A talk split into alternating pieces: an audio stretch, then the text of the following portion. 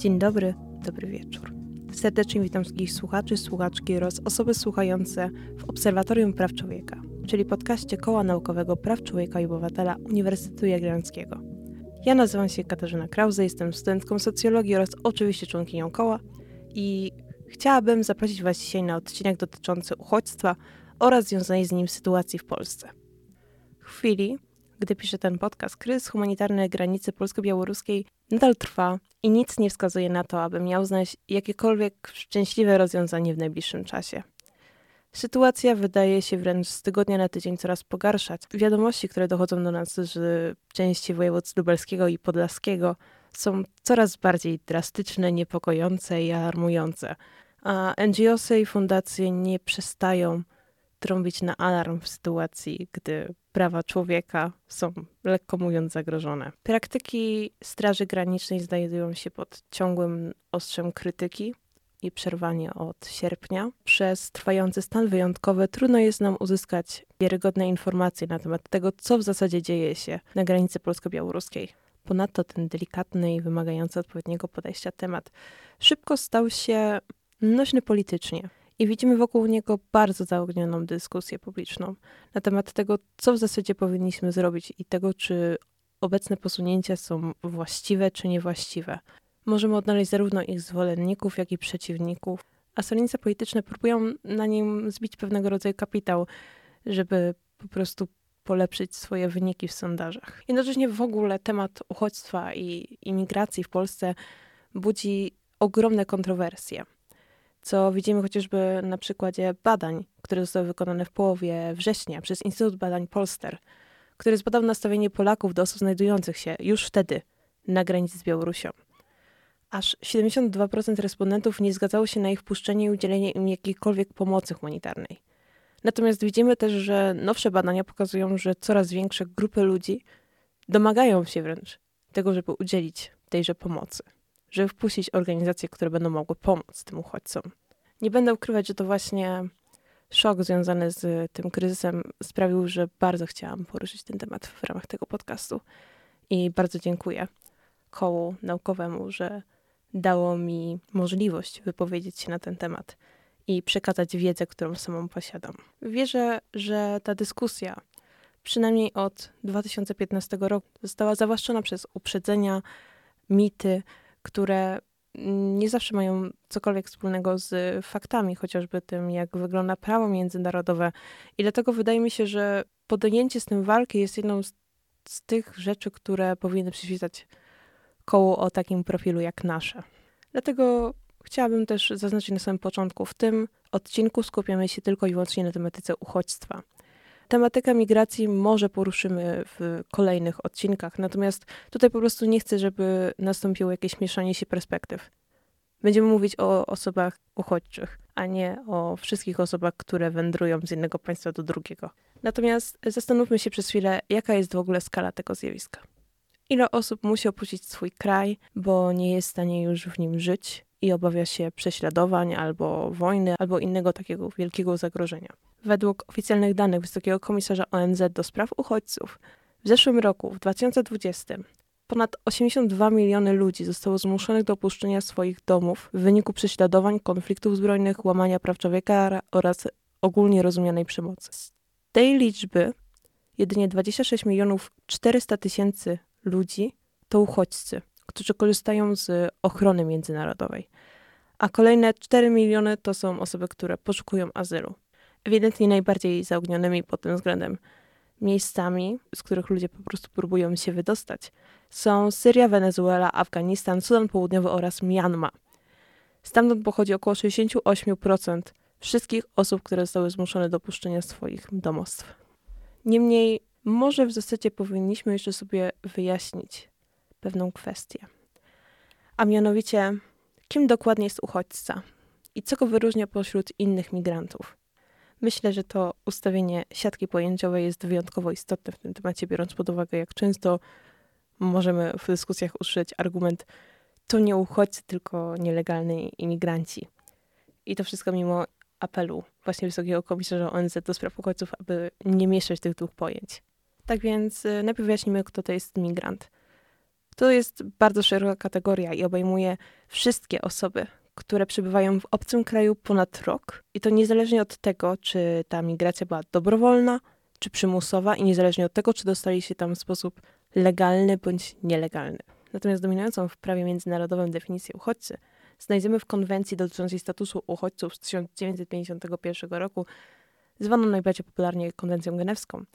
I w jej myśl uchodźcą jest osoba, która, tutaj zacytuję, na skutek uzasadnionej obawy przed prześladowaniem z powodu swojej rasy, religii, narodowości, przynależności do określonej grupy społecznej lub z powodu przekonań politycznych przebywa poza granicami państwa, którego jest obywatelem i nie może lub nie chce z powodu tych obaw korzystać z ochrony tego państwa. Czyli w telegraficznym skrócie, tym co odróżnia uchodźcę od imigranta jest przymusowość opuszczenia swojego kraju w obliczu prześladowania albo lęku przed nim. No i też możemy tak powiedzieć, że każdy uchodźca jest migrantem, ale zdecydowanie nie każdy migrant jest uchodźcą. Czy definicja z konwencji genewskiej jest idealna? Niekoniecznie. W książce Migranci, Migracje, o czym warto wiedzieć, by wyrobić sobie własne zdanie, socjolożka Karen Agoka zauważa, że ta definicja zupełnie nie chroni osób dotkniętych zagrożeniem, przemocą ekonomiczną, głodem czy uciekającym przed katastrofami naturalnymi. Dlaczego tak się stało?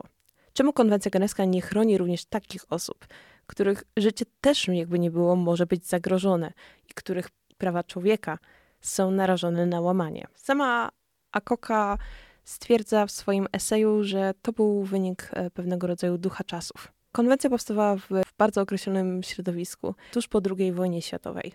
W tym czasie starły się są dwie koncepcje.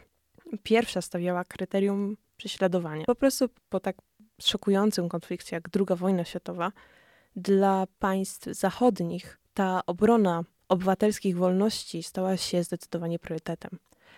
Natomiast z drugiej strony mieliśmy koncepcję państw socjalistycznych, które za najważniejszy wyznacznik uznawały y, nierówności społeczno-ekonomiczne oraz właśnie trudne sytuacje ekonomiczne w danych państwach. Chyba nie muszę mówić, która koncepcja wygrała podczas tych obrad. Y, Akoka nawet dosyć gorzko stwierdza, że tak oto śmierć w więzieniu uznano sprawę bardziej poważną niż śmierć z głodu. Natomiast trzeba przyznać, że ta luka, która istnieje w tym w tej definicji wymagała załatania, przynajmniej dla części sygnatariuszy. I dlatego w innych aktach prawnych, często bardziej ograniczonych do, geograficznie, znajdziemy odrobinę odmienne definicje uchodźcy. Na przykład konwencja Unii Afrykańskiej z 1968 roku rozszerza termin uchodźcy na każdą osobę, która musi uciekać ze swojego kraju na skutek zewnętrznej agresji, okupacji, opcji dominacji lub wydarzeń poważnie zakłócających porządek publiczny w części lub w całości państwa pochodzenia. Jest też e, deklaracja z Kartaginy dotycząca uchodźców w Ameryce Łacińskiej z 1984 roku, która nie dość, że kopiuje jakby te kryteria z konwencji Unii Afrykańskiej, ale też dodaje jeszcze do przesłanek uogólnioną przemoc i masowe łamanie praw człowieka. Warto też zaznaczyć w tym kontekście, że sam wysoki komisarz ONZ do spraw uchodźców nie zajmuje się wyłącznie uchodźcami. Sprawuje też opiekę nad tzw. Tak internally displaced persons, czyli osobami dotkniętymi uchodźstwem wewnętrznym, np. z powodu trwających działań wojennych, też bezpaństwowcami oraz uciekinierami dotkniętymi katastrofami naturalnymi i generalną przemocą. Co oczywiście nie zmienia faktu, że w myśl prawa międzynarodowego takim osobom zwykle nie przysługuje prawo do azylu. Dlaczego w ogóle o tym wspominam? Ponieważ chciałabym zaznaczyć, że ten temat jest niezwykle zniuansowany. Nie wszystkie osoby, które zasługują, które potrzebują ochrony, są w ogóle w stanie ją dostać. Nie każdy drastyczny powód, dla którego trzeba opuścić swoje państwo, został uwzględniony w definicji uchodźcy. I myślę, że to właśnie zniuansowanie tego wszystkiego jest nam wszystkim obecnie potrzebne, bo o ile oczywiście kwestię tego, że uchodźca a imigrant ekonomiczny to są trochę dwie różne kategorie, to jednak nie zmienia faktu, że przyczyny, przez które ci imigranci szukają schronienia w innych krajach, mogą być równie dramatyczne jak te, które pchają do podobnego kroku ludzie, którzy mogą ubiegać o azyl, a oni są pozbawieni tak daleko idącej ochrony prawnej. Niemniej, skoro już jesteśmy przy prawie, e, myślę, że warto się przyjrzeć właśnie temu, jak prawo chroniło i chroni uchodźców. Sam temat oczywiście jest bardzo stary. Uchodźstwo jest w zasadzie częścią doświadczenia wojny, a doświadczenie wojny jest częścią ludzkiej historii. Co nie zmienia faktu, że pewne próby zagwarantowania statusu uchodźcy miały miejsce w zasadzie dopiero w dwudziestoleciu międzywojennym na szeroką skalę. To wtedy powołany został Urząd Wysokiego Komisarza Ligi Narodów do spraw uchodźców rosyjskich, który z czasem rozszerzył swoją ochronę też na ludzi uciekających z innych krajów, nie tylko z Rosji. Innym przykładem może być konwencja dotycząca międzynarodowego statusu uchodźców z 1933 roku. Ona oczywiście miała pewne wady, nawet bardzo poważne. Za największą należałoby uznać fakt, że została ratyfikowana zaledwie przez 8 krajów. A poza tym w żaden sposób nie była w stanie ochronić osób uciekających z III Rzeszy względu, przez, ze względu na swoje własne ograniczenia. Za to należy przyznać, że stała się ona kanwą dla późniejszych rozwiązań, które już funkcjonują do dzisiaj. Współczesne ramy legislacyjne powstały oczywiście dopiero po szoku wywołanym okrucieństwem II wojny światowej. To jest zresztą pewien motyw, który powtarza się praktycznie w ogóle w temacie praw człowieka, że dopiero ten ogromny wstrząs związany z zagładą Żydów europejskich był potrzebny do tego, żeby znaleźć jakieś ramy prawne dla wartości, które są nam wszystkim bliskie. Tym sposobem, na przykład już w powszechnej deklaracji praw człowieka z 1948 roku znajdziemy artykuł 14, który stanowi, w razie prześladowania każda osoba jest uprawniona do ubiegania się o azyl i korzystania z niego w innych krajach. Oczywiście ten zapis jest bardzo ogólny i szeroki, raczej ustanawiający pewne prawo moralne niż tworzący jakąś legislaturę w tym temacie. Dlatego potrzebował pewnego uszczegółowienia. Stąd rozwinięciem tej myśli stała się konwencja dotycząca statusu uchodźców z 1951 roku, popularnie nazywana konwencją genewską.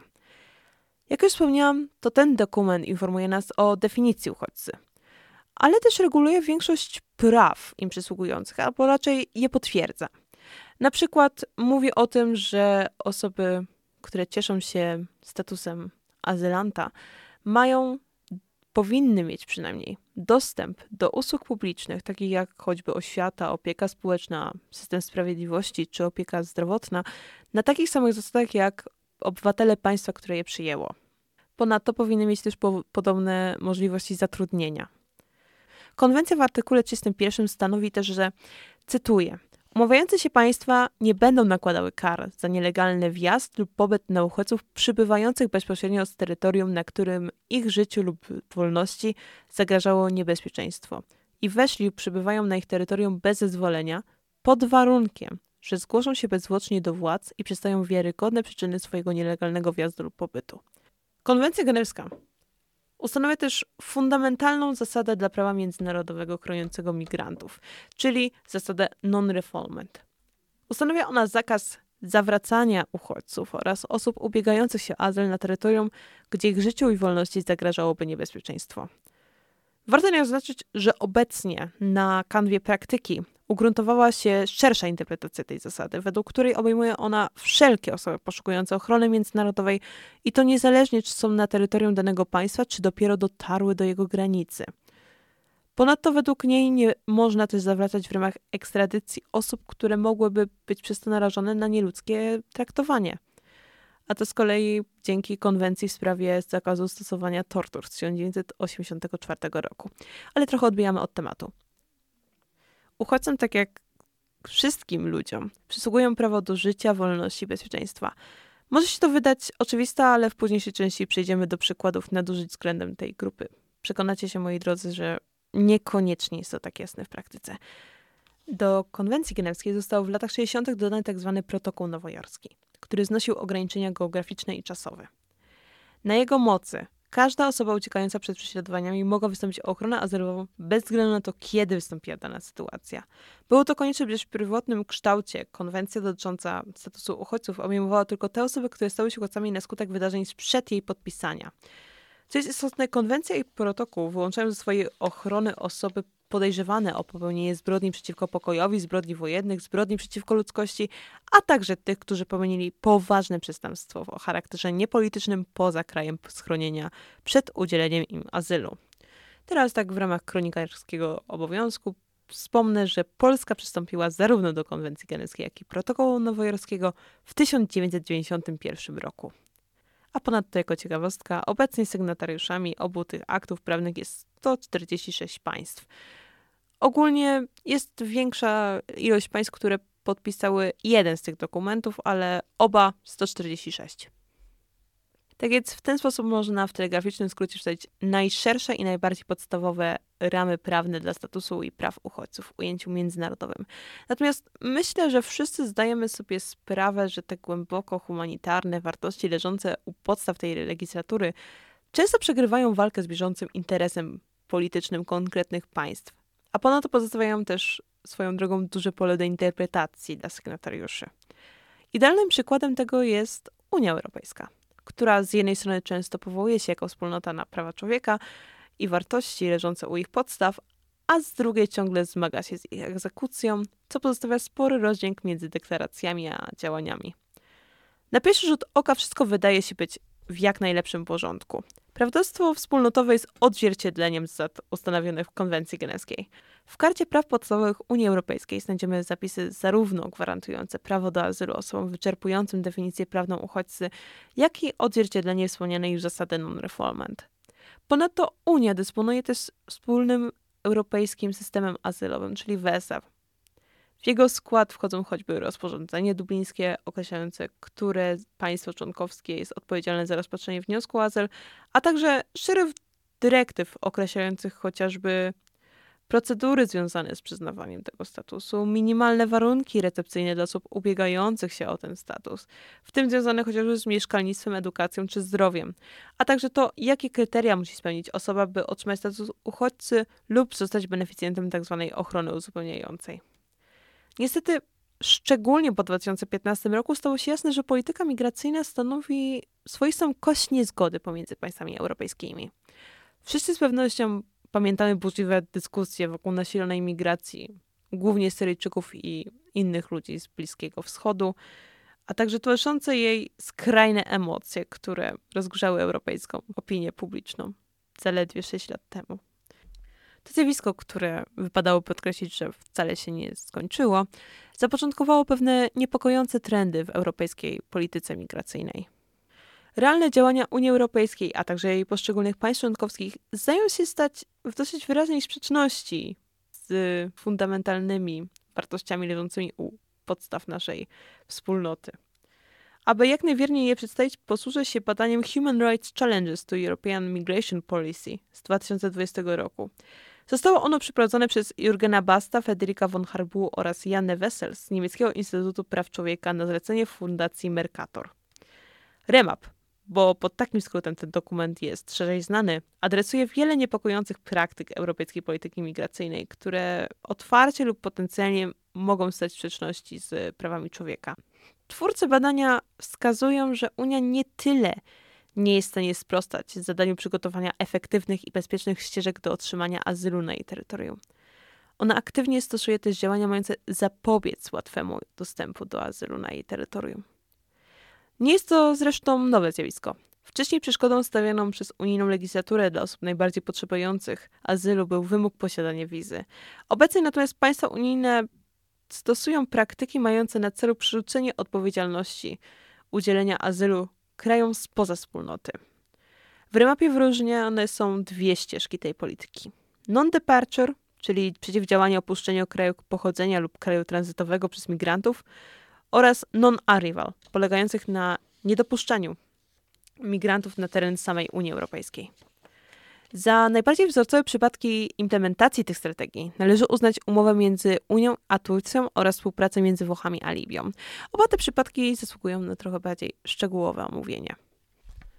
W przypadku Turcji jest nam potrzebny pewien kontekst. Mianowicie Unia Europejska oferuje nam listę bezpiecznych państw pochodzenia, bazującą na listach tworzonych przez poszczególne kraje członkowskie. Jak w swoim eseju zamieszczonym we wspomnianej już książce Migranci, Migracje o czym warto wiedzieć, by wyrobić sobie własne zdanie. Olivier Clochard, geograf i członek Laboratoire Migrantier, przepraszam za zbrodnię nad językiem francuskim, e, czyli instytucji specjalizującej się w badaniach nad migracjami, zauważa, że obecność Turcji w tym dokumencie powinna budzić sprzeciw. Kraj ten dopuszcza się brutalnych represji na ludności kurdejskiej, a także jest odpowiedzialny za prześladowanie własnych uczonych i intelektualistów. W latach 2004-2014 27 tysięcy osób przybyłych z Turcji złożyło w Unii Europejskiej wnioski o azyl, a pozytywnie rozpatrzono 17% z nich. Niemniej nie przeszkadzało to Unii Europejskiej w podpisaniu umowy z państwem Erdogana w 2016 roku, zgodnie z którym ma ono przeciwdziałać napływowi imigrantów ze swojego terytorium. Ktoś mógłby jednak zauważyć, że autorytaryzm turecki wcale nie musi być zagrożeniem dla uchodźców i być może nie muszą oni obawiać się prześladowań w tym państwie. Jednakże tutaj należy zwrócić uwagę, że Turcja nie ratyfikowała protokołu nowojorskiego. To znaczy, że ciągle w jej prawodawstwie występuje geograficzne ograniczenie obowiązujące w konwencji genewskiej, a przez to prawo do azylu przysługuje tylko osobom poszukującym schronienia w wyniku wydarzeń mających miejsce w Europie. Ponadto, jak zauważają twórcy REMAP, są relacje, według których Turcja zmuszała syryjskich uchodźców do zawrócenia z jej terytorium, po uprzednim podpisaniu oczywiście oświadczeń, że czynią to dobrowolnie. Natomiast współpraca z władzami libijskimi rozpoczęta przez Włochy nie rysuje się nawet odrobinę lepiej. W deklaracji podpisanej na Malcie w 2017 roku Komisja Europejska zobowiązała się do udzielenia tamtejszej Straży Przybrzeżnej wyszkolenia sprzętu i wsparcia. W oparciu o to porozumienie powstała tzw. Tak strefa Search and Rescue, z której migranci są wyłapywani i zawracani do Libii. Bardzo ścisła współpraca zarówno Unii, jak i Włoch z tym państwem jest niebywale kontrowersyjna. Raport Human Rights Watch opublikowany w styczniu 2019 roku pod tytułem No Escape from Hell EU Policies Contribute to Abuse Migrants in Libya opisuje relacje osób przechwyconych na morzu skierowanych do ośrodków detencyjnych. Zgodnie z relacjami twórców dochodzi tam do pogwałcenia podstawowych praw człowieka, łącznie z prawem do wolności od tortur. Osoby, które się tam znajdują, przetrzymywane są w nieludzkich warunkach, obejmujących poważne przeludnienie, niehigieniczne warunki, niską jakość żywności i wody, co prowadzi do kolejnych chorób, co nas prowadzi do braku odpowiedniej opieki zdrowotnej. Pojawiają się też relacje o przemocy ze strony strażników, w tym o biciu, wymierzanych chłostach i używaniu elektrowstrząsów.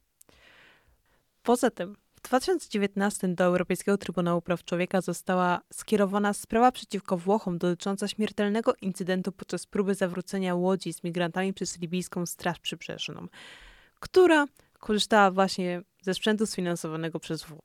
Co pokazuje jednak, że jest pewnego rodzaju odpowiedzialność za te działania, no ale cóż. Jednakże drastyczne doniesienia nie wpłynęły na politykę migracyjną Unii, a rozwiązania wypracowane podczas y, współpracy z Turcją i Libią mają stać się modelami późniejszych porozumień z innymi krajami.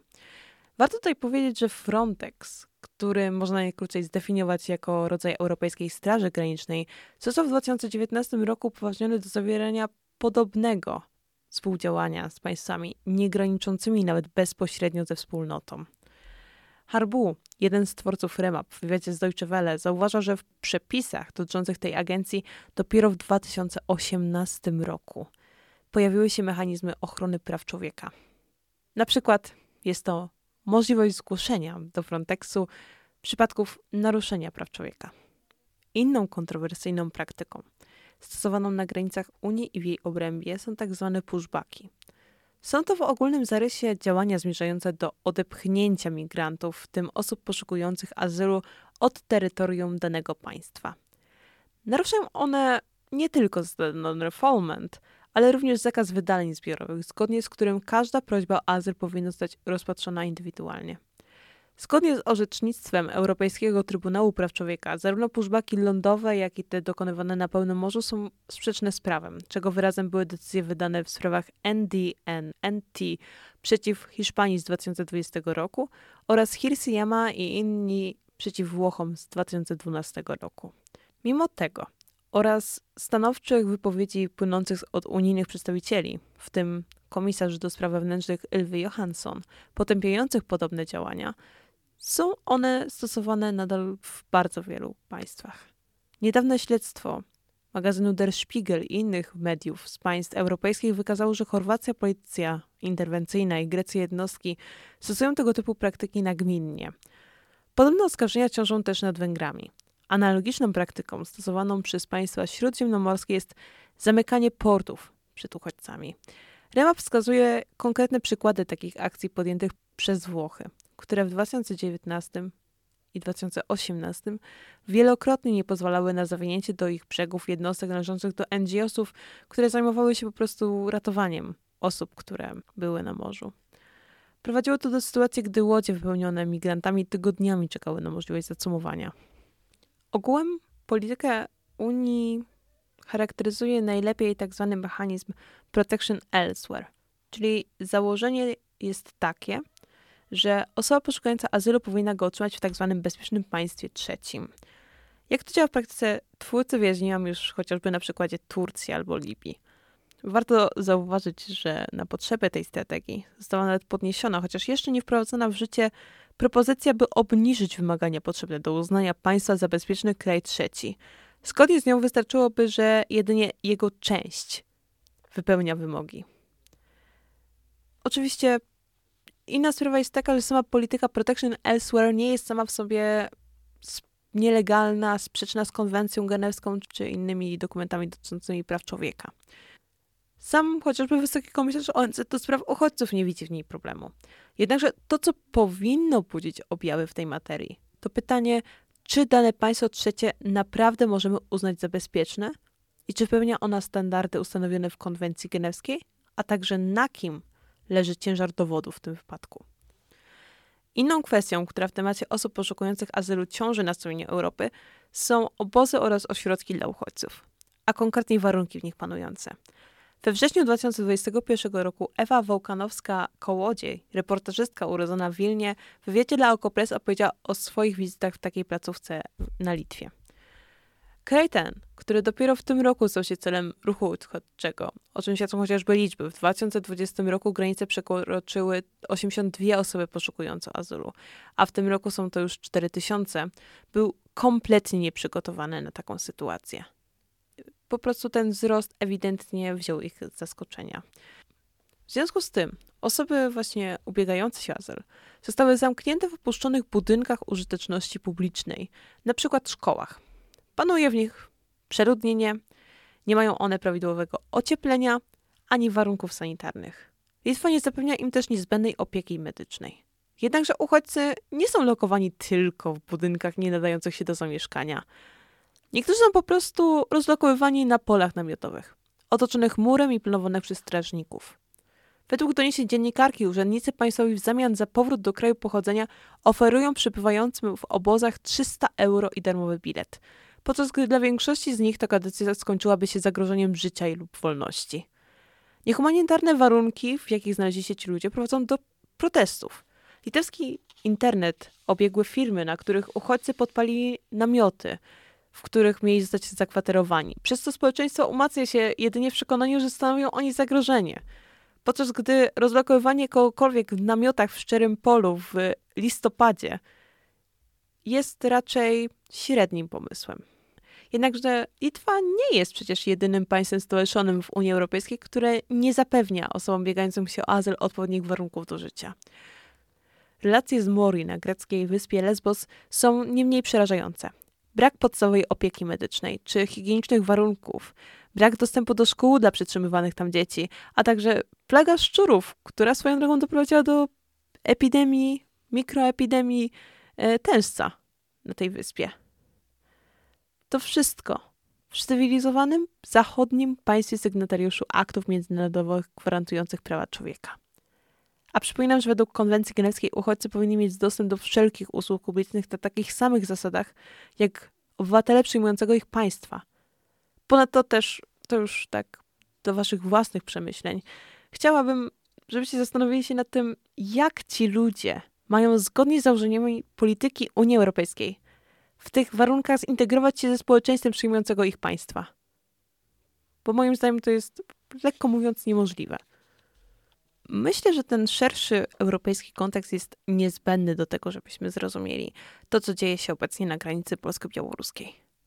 to nie jest pojedynczy incydent, tylko objaw znacznie szerszego problemu. Unia Europejska nie ma ani siły politycznej, ani woli, by wymusić na swoich państwach członkowskich przestrzeganie norm związanych z prawami człowieka i konwencją genewską. Natomiast czy to jest usprawiedliwienie dla działań polskiego rządu? Polemizowałabym. Natomiast od czego się ten kryzys w ogóle zaczął? Według doniesień Reutersa od około grupy 300 osób pochodzących z Iraku i Afganistanu na początku sierpnia, którzy próbowali dostać się na teren Unii z Białorusi. To właśnie od tej grupy odłączyła się potem mniejsza, około 30-osobowa, którą wszyscy możemy kojarzyć z Usnarza Górnego, który staje się pewnego rodzaju symbolem w pewnym momencie, mam wrażenie, i jeden z najgorętszych tematów politycznych w Polsce. To też właśnie wtedy zaczęły się działania rządowe i desperackie próby pomocy przez NGOsy oraz posłów. Jednakże sytuacja zaczęła się rozwijać w zawrotnym tempie i widzimy, że ten, że ten ruch wcale nie zwalnia i że tych ludzi jest więcej.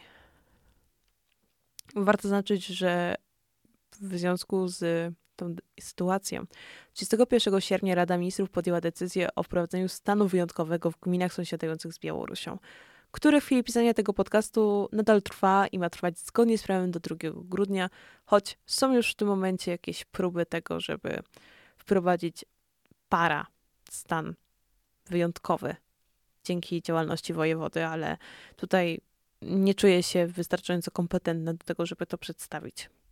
W jego wyniku, co warto zaznaczyć ze względu na rzetelność zbieranych przeze mnie materiałów dotyczących tematu, znacząco utrudnił się dostęp do opinii publicznej do wiarygodnych informacji na temat panującej tam sytuacji. Wytworzyły się swoiste dwa obiegi informacyjne, a w zasadzie wypadało powiedzieć, że trzy. Pierwszy związany z publikacjami pracowymi Straży Granicznej, a także stroną rządową. Drugi opierający się na niezależnych mediach, a także doniesieniach aktywistów powiązanych z NGO-sami, które próbowały wejść w kontakt z osobami przetrzymywanymi na granicy, a także trzeci, czyli białoruski. Swoją drogą, warto tutaj zauważyć, że niedopuszczenie zarówno polskich, jak i zagranicznych mediów na granicę odbija się obecnie Polsce czkawką. Bo jakby nie patrzeć, kamery CNN czy BBC obecnie stoją po stronie białoruskiej i mają lepszy kontakt najprawdopodobniej z tamtejszym lokalnym środowiskiem. A więc, no cóż, myślę, wyda wydaje mi się, że to nie była najinteligentniejsza decyzja. Natomiast, mówiąc kolokwialnie, skąd się ci ludzie wzięli? Wiemy, że w większości mamy tutaj do czynienia z osobami z państw takich jak Syria, Irak, Afganistan, ogólnie Bliski Wschód, część też jest z Afryki, Słyszałam też doniesienia o jakimś grupce ludzi z Sri Lanki. Rzeczą pewną jest fakt, że polskie służby znajdujące się na miejscu od samego początku kryzysu utrudniały, a wręcz uniemożliwiały niesienie pomocy humanitarnej. Do uchodźców nie został nawet dopuszczony Polski Czerwony Krzyż, a obecna oddolna pomoc dociera głównie do ludzi, którym udało się już przekroczyć granicę i kryją się po okolicznych lasach.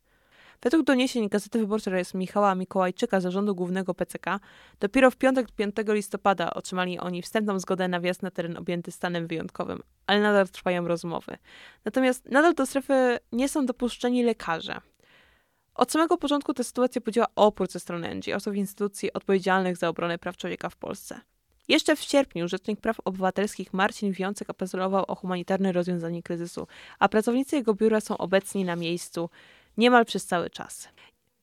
Jedną z największych sprzeczności, jaka powstała w docierających do opinii publicznej komunikatach, jest kwestia wniosków o azyl.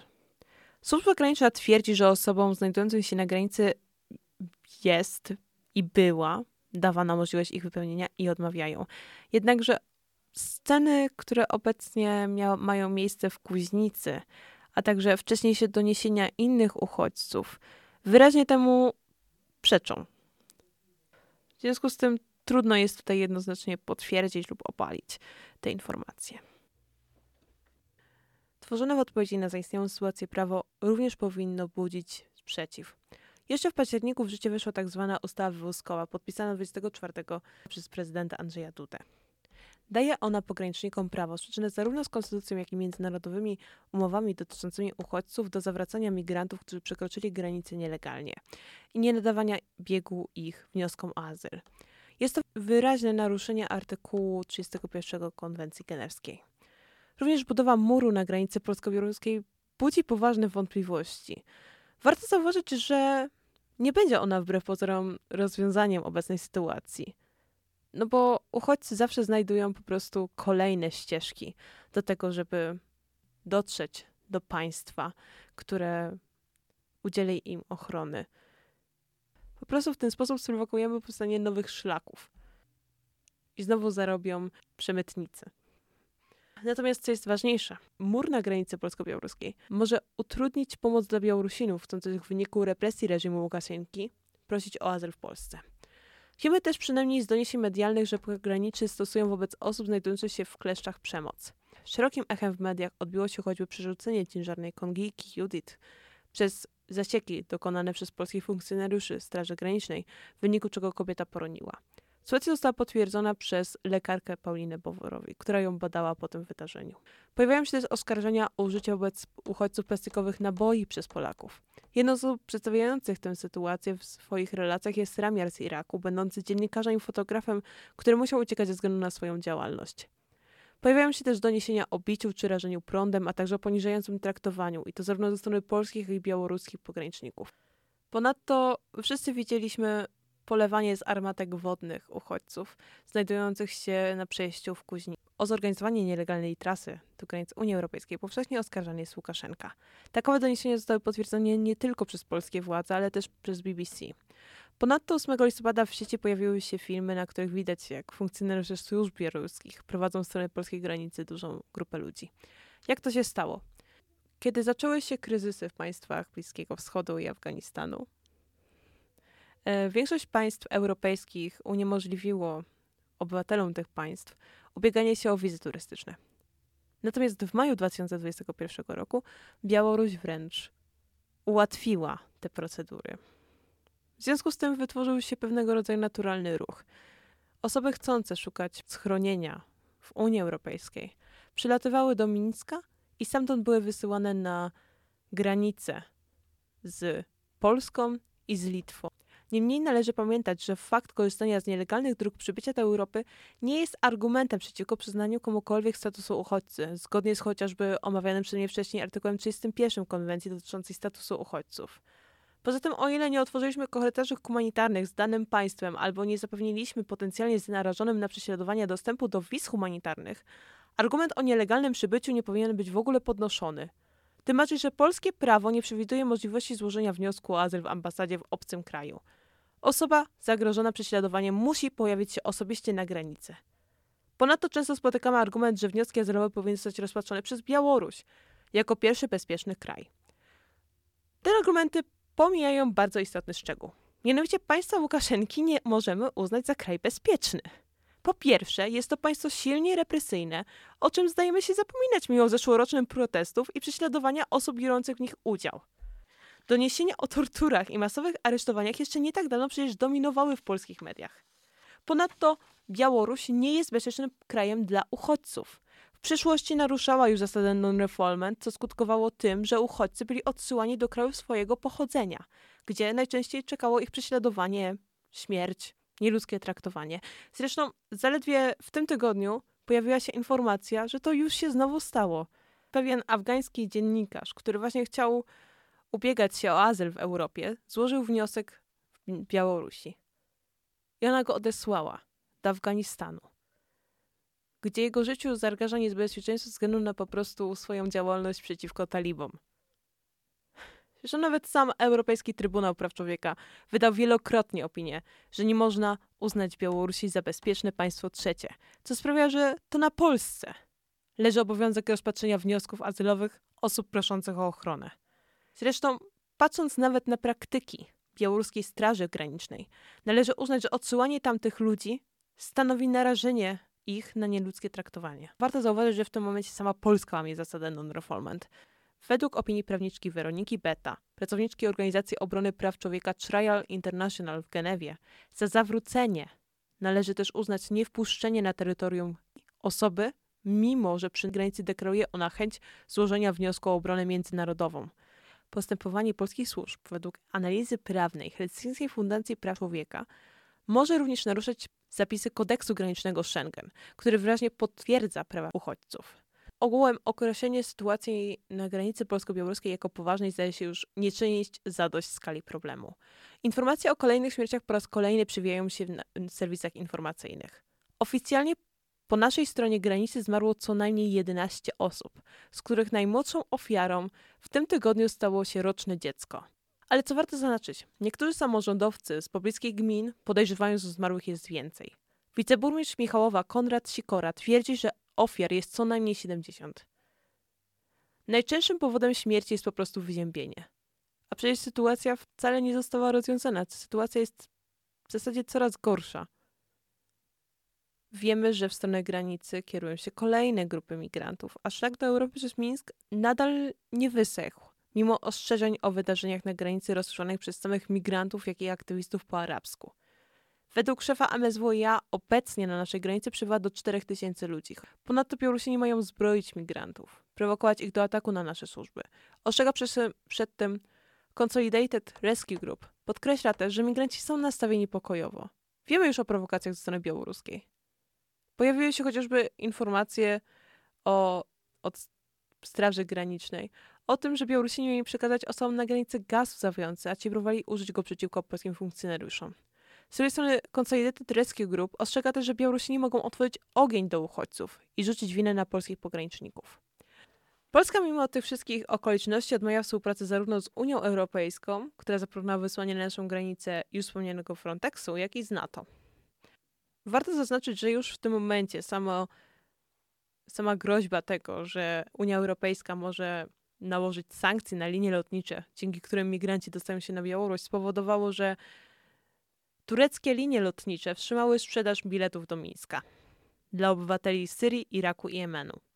Ponadto też syryjskie linie zdecydowały się zawieźć loty do stolicy Białorusi.